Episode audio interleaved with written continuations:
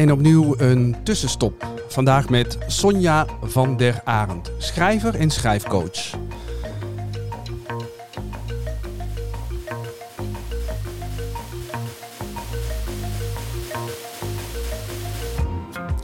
In tussenstop uh, staan we elke week stil met en bij een maker. En uh, vandaag is dat uh, bij jou, Sonja, bij jou thuis ook. Gezellig? Welkom, maar eigenlijk uh, zou jij dat moeten zeggen, hè? ja, welkom. Welkom Dank bij mij thuis, Ron. Dank je. Um, um, intussen top kijken we altijd terug naar jouw reis ja. als maker en, uh, en natuurlijk ook vooruit. Uh, en staan we ook even stil bij waar we nu zijn. Um, nog steeds corona als thema, maar ook presidentsverkiezingen. Heb jij, heb, heb, heb jij daar afzijdig van gehouden of juist niet? Uh, nou, ik heb, ik heb alleen geconsumeerd. maar uh, ja, nee, voordat jij kwam hier had, stond Radio 1 aan. Bijna altijd heb ik Radio 1 aan. Um, en uh, ja, ik zat net een beetje weg te zinken eigenlijk in een soort van... ja, het is erg onbestemd allemaal. Ja, beïnvloed je... Een beetje wel, ja, ja. Niet langdurig, denk ik. Maar nou ja, hangt het, ja, het is nu heel erg onbestemd. Dus dat is altijd spannend. En ja. Uh, ja, ik weet niet of je het al gehoord hebt, maar Trump heeft net uh, de overwinning geclaimd. Ja, een uurtje natuurlijk. geleden. Ja, ja. ja, het zat eraan te komen, maar het is toch verrassend dat hij het doet. En het is, het, ja, het is ook een beetje eng. Maar ik, ja, laten we het er niet te lang over hebben. Nee, nee, dat was, het was ook alleen maar even een, een, een, een prikkertje voor het begin. Uh, jij bent schrijver en schrijfcoach. Ja, zo noem ik het maar. Maar als, ja. ik, als, als ik jou google, dan ben je ook, ook best wel onderzoeker. Ja, ja. Uh, ik ben, uh, ja, ik heb hier gestudeerd. Dus ik ben in Wageningen komen wonen op mijn 17e, bijna 18, om te studeren. Um, en uh, ja, ik had het niet zo goed door, maar het blijkt dat ze hier ingenieurs maken. Um, wat dacht je dan? Dat ze, dat, ja, ik ging dat gewoon ze van het, je gingen maken? Ik ging gewoon het milieuprobleem oplossen. En uh, ik wist wel dat het een soort beta-gamma-opleiding was. Dus uh, beta-gamma, dus, dus uh, natuurwetenschappen gecombineerd met sociale wetenschappen. Maar de nadruk lag erg op de natuurwetenschappen. En op idealen dus, hoor ik. Ja, zeker. Bij iedereen. We waren allemaal de hele tijd bezig met te bedenken hoe dit milieuprobleem dan moest worden opgelost. En daarbij dachten we minder af aan schoorstenen en waterzuiveringsinstallaties en meer aan ja, uh, politiek en uh, wat de overheid moest en of er een ecodictatuur moest komen of, uh, of toch allerlei andere oplossingen of een grootschalige voorlichtingscampagne of dit of dat. Maar het was meer door, door de stijl van leren um, dat ik bij de sociale wetenschappen terecht kwam. Dus uiteindelijk ben ik een soort bestuurskundige politicoloog geworden. uiteindelijk ben je schrijver geworden. Ja, uiteindelijk ben ik schrijver geworden. En, en ja. waar, waar, uh, nou, ik ben altijd al wel geïnteresseerd geweest ook in de, de, de rol van literatuur en cultuur, ook voor milieu. En, maar schrijven ben ik pas tijdens mijn promotie, dacht ik van ja, dat schrijven vind ik wel echt heel lekker. En dat, uh, dat onderwerp was ook milieubeleid, omgevingsbeleid en uh, burgerparticipatie daarbij. En dat gaat dus ook heel veel over betekenisgeving, beeldvorming, discours noemen we dat. Nou ja, allemaal wetenschappelijke geneuzel. Um, en, uh, maar daarin had ik in het schrijven had ik ook wel heel veel plezier. En een vorm van interviewen die ik toepaste, dat heet narratief interviewen. Dus dat betekent dat je mensen niet hun mening vraagt, maar je vraagt ze om verhalen te vertellen. Als een soort proxy, als de beste benadering van er zelf bij zijn. Dus het is eigenlijk een vrij antropologische benadering. Um, en je laat mensen dus hun eigen verhaal vertellen. En vervolgens analyseer je dat ook wel als verhaal. Dus je maakt daar zelf natuurlijk weer je eigen verhaal van. Dus dat was al heel erg schrijven. Uh, en daarna, na mijn proefschrift... Ja, het wordt lang, hè? Nee, en, maar, en toen kwam dat boek. Daar, ja, daar ben je precies. nu naartoe aan het praten. Ja, daar ben ik naartoe aan het praten, ja. Want toen uh, uh, gingen we een onderzoek doen naar uh, wat die Europese kaderrichtlijn water betekent voor aquatische ecologen, dus waterbiologen.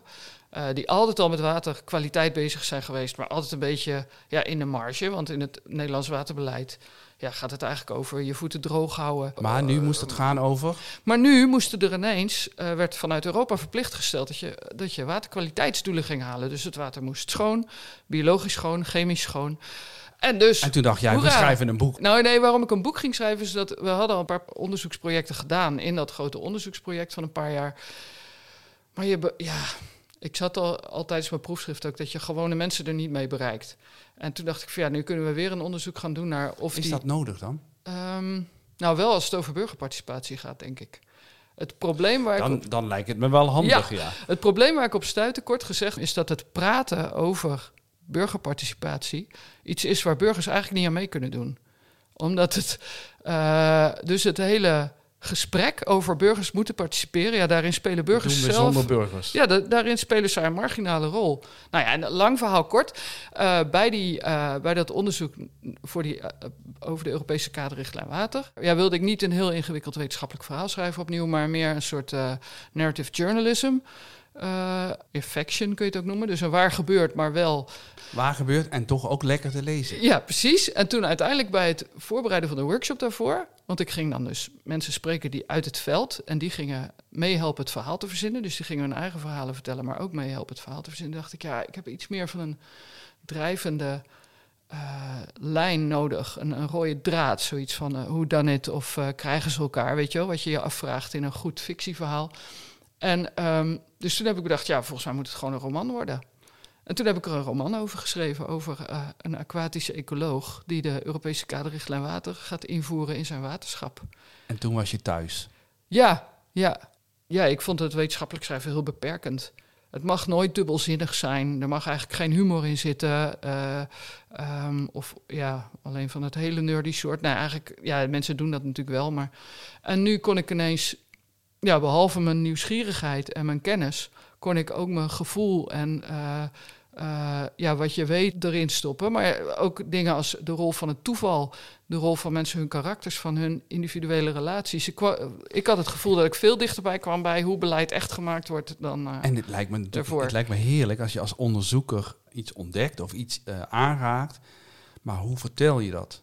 Ja zonder dat je het uit je duim zuigt. Terwijl als je natuurlijk een verhaal schrijft, dat kan heel beeldend werken, waardoor mensen denken, oh. Ja, ja het is een andere vorm van bewijsvoering. Het is een andere vorm. Dus ik probeer dat um, ja, te ontwikkelen als een vorm van onderzoek. Dus daarom heet mijn bedrijf heet ook Serious Fiction.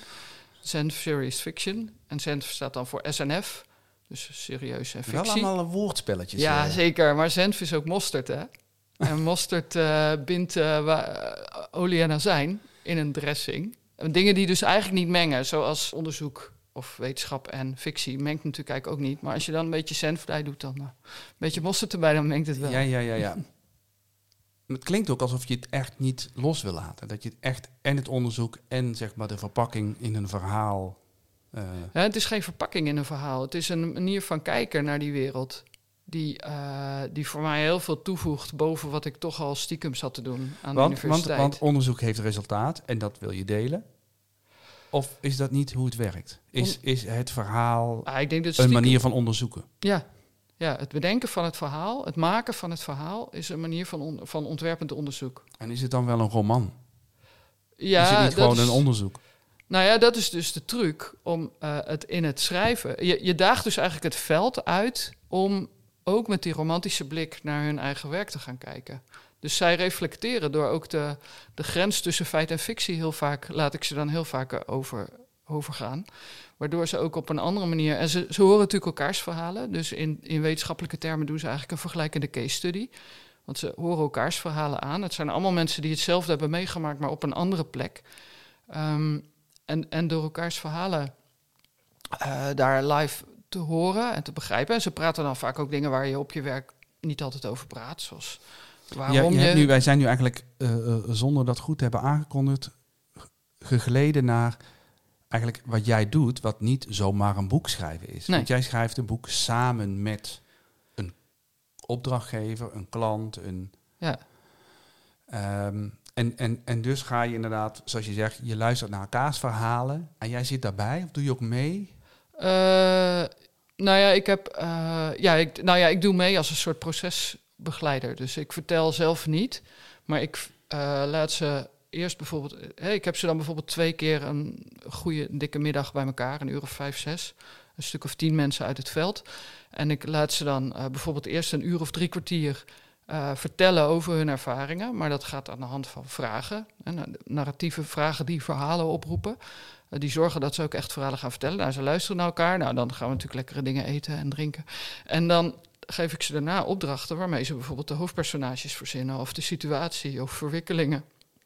Of ik laat ze vertellen over, het, hè, over het, wat er in een roman over hun werkveld moet zitten. En dan heb jij bouwstenen waarmee je aan de slag kan. Ja, ja, en als ik dan vastloop, dan mail ik er eentje waarvan ik denk van nou, die kan dat wel uh, even vertellen. En dan zeg ik, nou, hij staat nu daar en daar, onze geliefde hoofdpersoon. En, uh, Waar moet hij heen? Hij moet iets specialistisch doen. Hoe doet hij dat?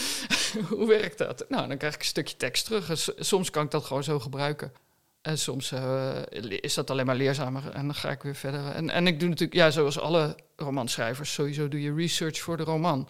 Dus als daar iemand, als daar, hè, de, die eerste, daar zit een otter in, of tenminste als een soort metafoor, ja, dan moet ik wel even uitzoeken wat otters nou voor beestjes zijn. Ja, maar inderdaad, dat doen alle schrijvers. Ja, als je dus- precies. als je iets waarheidsgetrouw ja. wil laten Ja. overkomen, dan zorg je ook dat je weet je waar je het over hebt. Ja, precies. Dan ga je er naartoe. Of eh, als het ergens speelt, moet je er wel geweest zijn. eh, en je moet het Je hebt nu drie van dat soort drie beleids, participatie, ja, beleidsromans. beleidsromans. Ja. Maar je hebt dan een opdrachtgever. Ja. Is daar geen spanningsveld?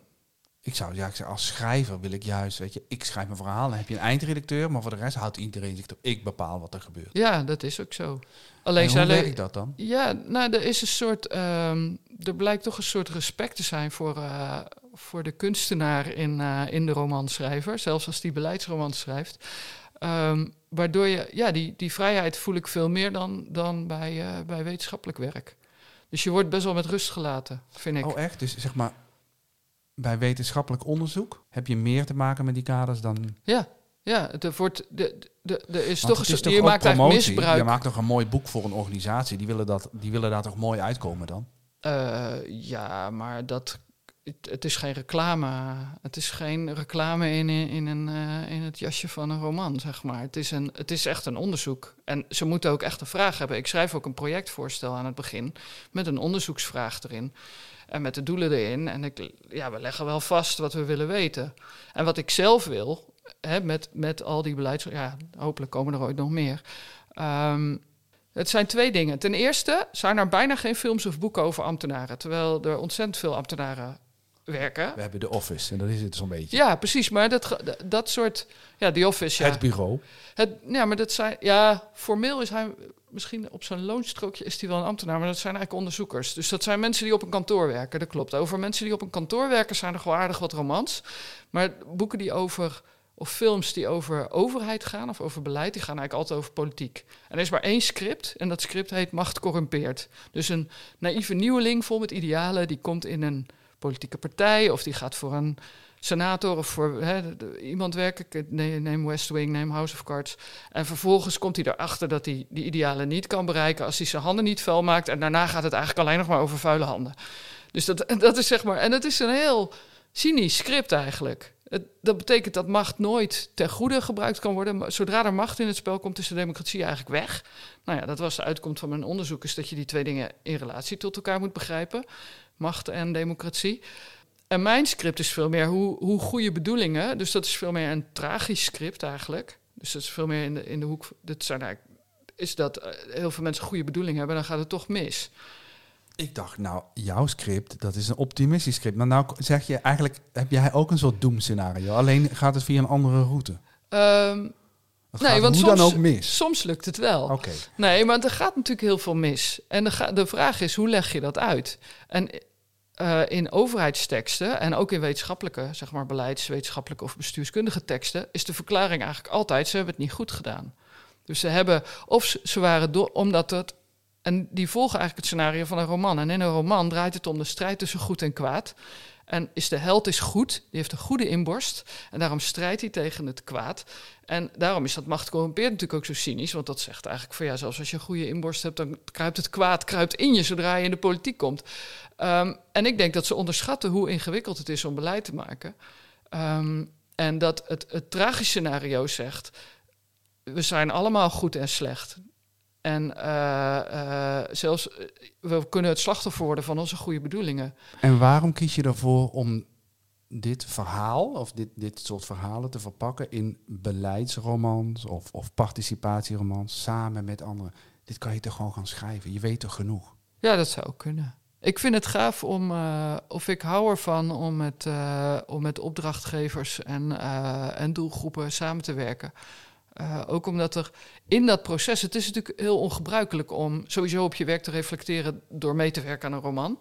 En helemaal als dat werk beleid maken is, want dat beleid maak je eigenlijk nooit alleen. Dat is, uh, dat is een complexe toestand van heel veel mensen die allemaal alle kanten op gaan. En een soort. Eigenlijk is beleid maken ook een soort verhalen vertellen. Dus je anticipeert erop dat je uiteindelijk een verhaal moet vertellen waarin jij uh, hebt gedaan wat je kunt. Dus daarom zie je ook soms dat, dat politici, maar ook bijvoorbeeld vakbondsonderhandelaars, die gaan dan voor de schermen gaan ze heel hard met elkaar knokken, terwijl ze daarachter gewoon, ze weten dat ze een show opvoeren. Dus het showaspect van beleid is heel belangrijk. Um, en um, waar was ik nou op weg? Het ging over, over je, kan, je kan als ja. romanschrijver dit verhaal vertellen, maar liever doe jij dat in een, in een setting Ja, omdat het proces zo interessant is. Dus in dat proces van het schrijven van een roman over beleid, dus over iets dat, dat eigenlijk saai is.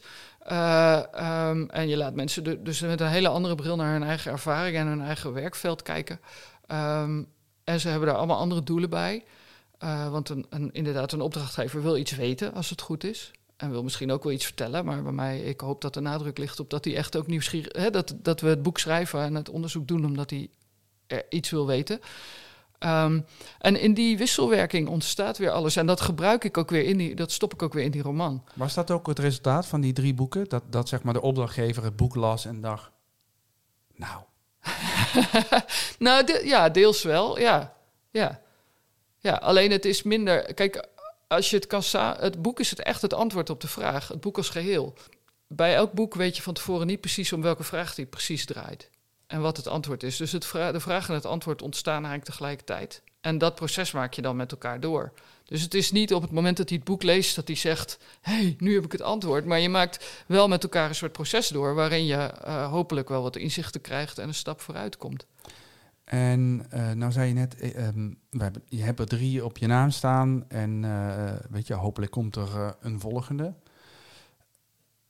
Wat jij nu beschrijft, wat jij, het proces, dat kan je, ook dat kun je gewoon doen. Is, ja. is, is, is jouw model niet ook gewoon, en ik heb daar geen, weet je, geen mm -hmm. kritiek, maar is dat niet ook gewoon een hele goede verpakking, zodat je gewoon betaald krijgt voor je werk. Tuurlijk. In plaats van dat je twee jaar op je zolderkamertje zit en dan een uitgever gaat zoeken die zegt, nou, ik weet niet of ik dat wel nee, wil uitgeven. Nou ja, in die zin is het natuurlijk. Nou ja, het, voor mij voelt het, voor mijn eigen verhaal voelt het fijn om, uh, om een onderzoeker te blijven, zodat wat ik de afgelopen 15 jaar heb zitten doen niet voor niks was. Uh, ik vind het zelf fijn om een soort te denken van nou, waar ik nu mee bezig ben, dat heeft nog steeds iets te maken met waar ik mee bezig was. Uh, het is zeker zo dat, dat uh, onderzoekers beter over het algemeen beter betaald worden voor hun werk dan romanschrijvers. Ik heb zelf dat Walhalla nog niet bereikt, want het is ook weer niet zo heel makkelijk om buiten de universiteit als onderzoeker er te zijn. En ja, net toen ik bezig wilde gaan, en ik heb ook wel dingen bedacht waarover ik zelf zou kunnen beginnen en manieren door bijvoorbeeld door, door een door vervolgverhaal te gaan schrijven of zo. Of andere, andere aanpakken. Niet meteen een hele roman, maar kortere stukken. Dat ik ook wel uh, gewoon vast kon beginnen. Maar goed, er kwam iets anders tussendoor ook. Uh, ik had in 2016 heb ik die, de tweede en de derde beleidsroman geschreven. En toen was ik net bezig van, nou wil ik nou volgend jaar weer twee romans schrijven, als dat al lukt. Want een opdrachtgever vinden is ook weer niet zo heel makkelijk. Maar toen werd ik ziek.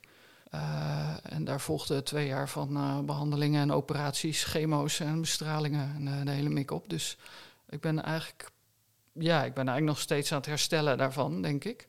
Um, en in de tussentijd heb ik, ben ik een schrijfclub begonnen, Schrijfclub Wageningen. Um, met schrijfgroepen. En ja, daar, daar komen nu allerlei dingen uit voort, waardoor ik zelf helemaal geen tijd meer heb om te schrijven. En ik noem het maar schrijfcoach. Um, maar ja, we zijn, uh, ik ben met een paar mensen Zinzin begonnen.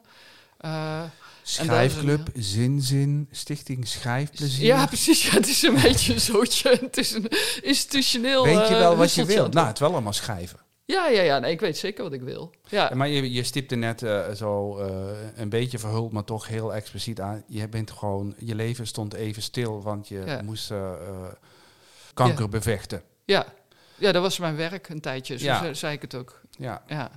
Ja, dus en nu werk. ben je eigenlijk weer de draad aan het oppakken. Van ja. de schrijfclub en de stichting Schrijfplezier. Dat is allemaal dit jaar. Dat is allemaal van dit jaar. Nou, ik heb eerder een schrijfclub gehad voor kinderen. Dus ik was ook al wel bezig met coaching. En dat heeft, ja, dat is mijn. Dus het ene, mijn ene doel is met fictie naar die wereld van beleid kijken. En kijken of je hem dan misschien beter begrijpt dan, dan wetenschappers doen. Of dan ik in ieder geval als wetenschapper kon. En de andere is dat ik daarbij heb gemerkt dat ik schrijven als vorm van maken zo lekker vind. Het is zo gaaf om, om iets onder je handen te zien ontstaan. En dat, uh, ik vind schrijven dus ook in die zin, heeft ook wel echt iets fysieks.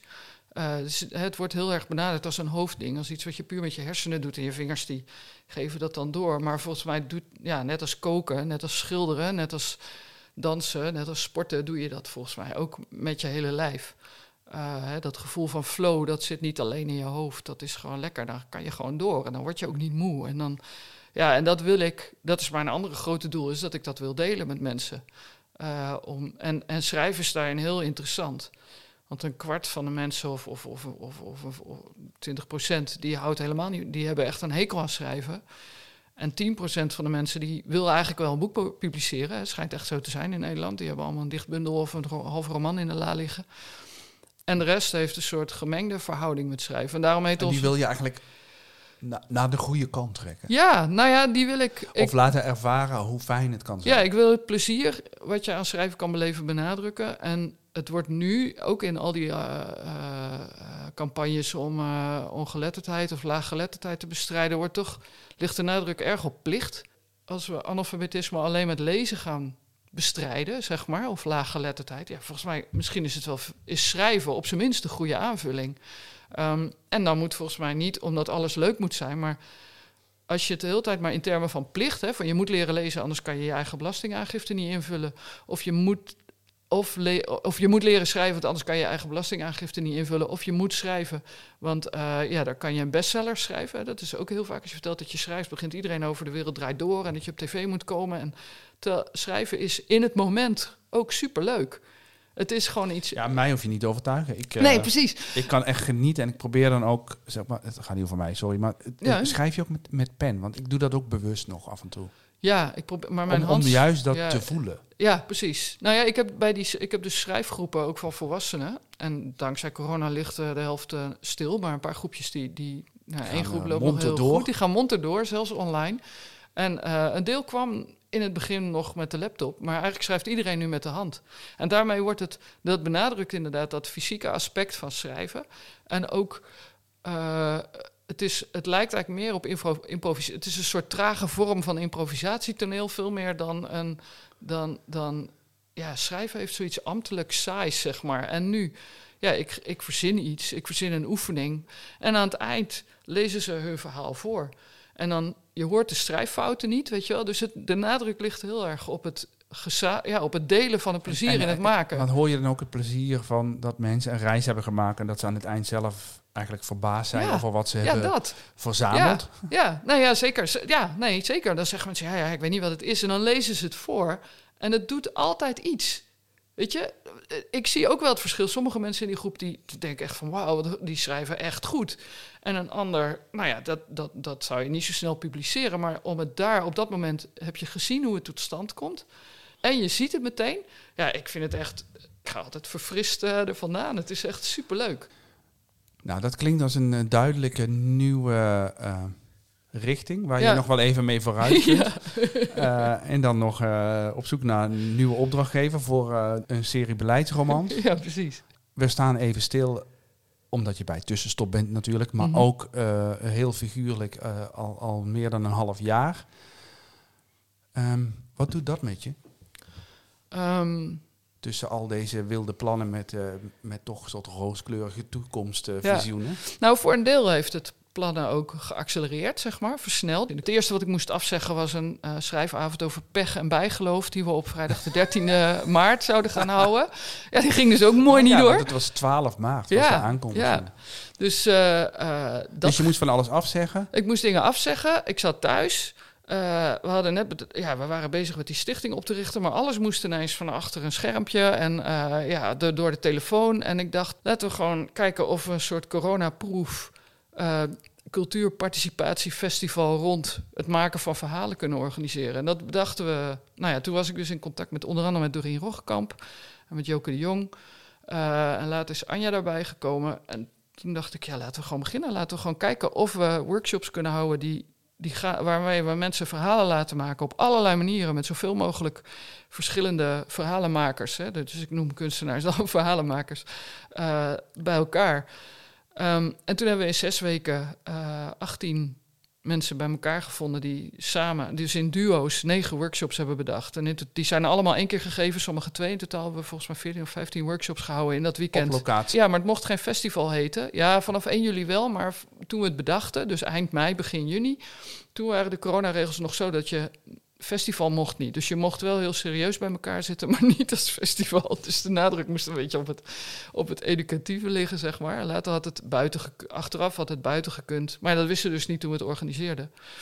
Had je dan ook heel veel aan de kennis die je hebt van beleid en organisatie? Dat je denkt, oké, als we dit wel voor elkaar willen krijgen, mogen we het geen festival noemen. Ja, nou ja, dat soort, ja, dat soort cynisme. dat, ja. ja. maar je gaat dan je weg zoeken. Ja, ja, ja. En, en, en daar hadden we in het begin over. Daar, daar gaat het natuurlijk heel vaak over. Ja, ja. nee, ja, dat, ja, dat denk ik wel. Misschien hielp dat wel een beetje. Maar uiteindelijk moet je het gewoon doen. Hè? En wetenschappers, die, of wetenschappers zijn heel vaak in hun vakgebied gerold. Zeker sociaal. Eh, mensen in de gamma-hoek, dus in de gedragswetenschappen. Ik hoorde het laatst nog een keer op de radio. Wie was dat nou? Psychologen, dat zijn heel vaak. Iemand gaat psychologie studeren omdat hij geen mensenkennis heeft, omdat ze een basale kennis daarvan. Dus die gaat het rationeel benaderen. Daarom zijn, zijn didactici, die zijn dus vaak zelf slecht in lesgeven. Of uh, uh, pedagogen, daar kan je maar, die kunnen eigenlijk beter geen kinderen krijgen. Nee. en, en hoe zit het dan met schrijvers? Schrijvers. Als wetenschapper heb ik een fixatie op macht gehad, denk ik. Op de rol van macht overal in.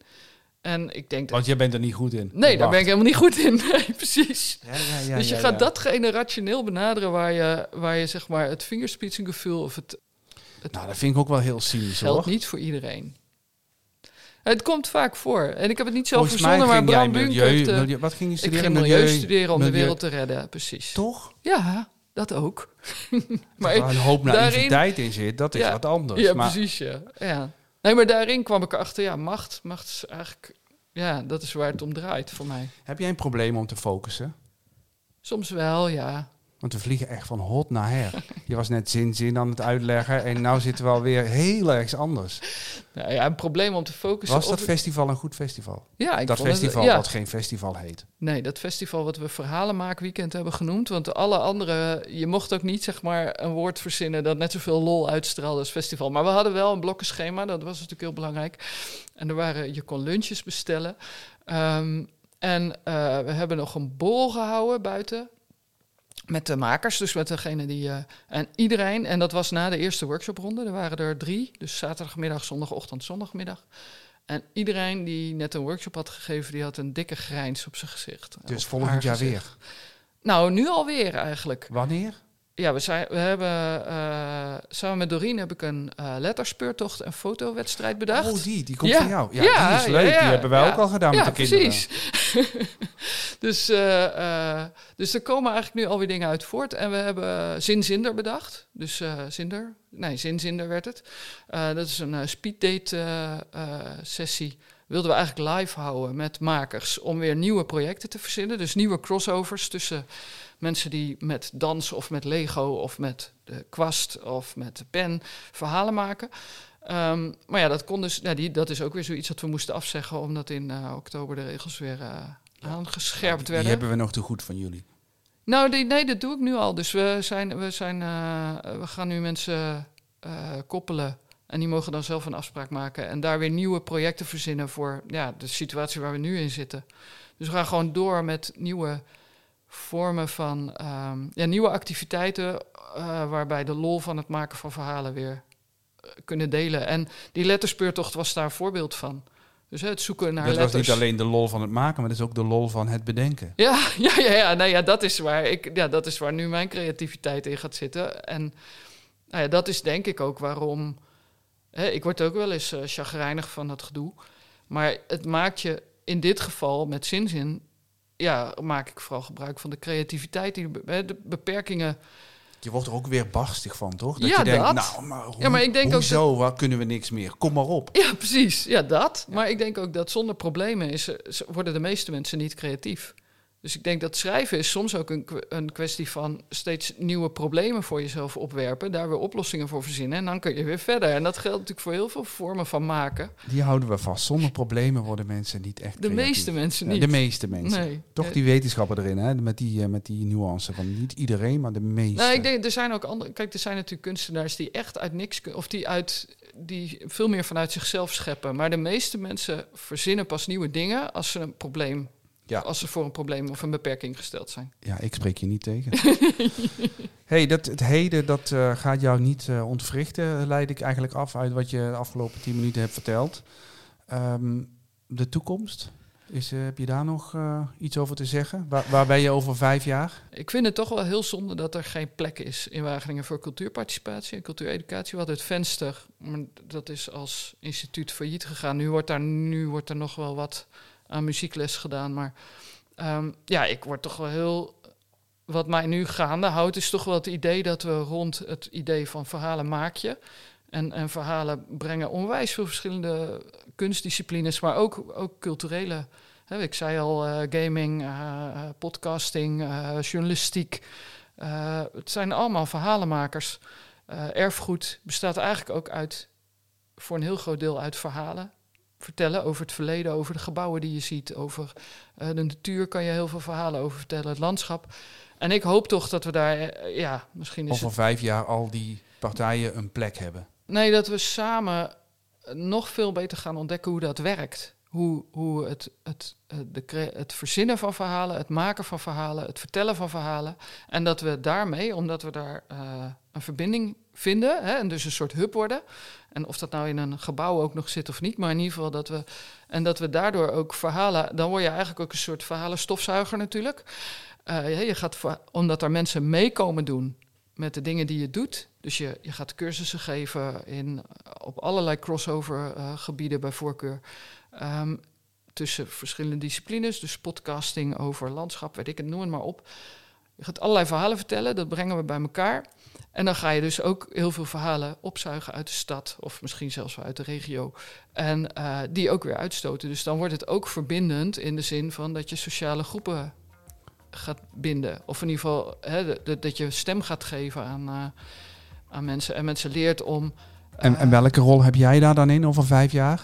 Oei, Doe jij de deur open van dat gebouw waar wij allemaal samenkomen? Ja, misschien. Ja, dat, ik vind dat, dat weet ik. zal daarin mee, ik hoop daarin mee te groeien, zeg maar. Uh, zelf. Dit is eigenlijk je nieuwe roman, hè? We zitten in het proces, dus we weten nog niet waar we uitkomen. Nee, nee, zeker niet. Nee. Over vijf jaar ligt hij in de boekhandel, uh, mensen. Tot over vijf jaar. Ja, nou, of, of eerder. Eerder. Ja. We zien elkaar nog in dit proces. Denk het wel. Dankjewel.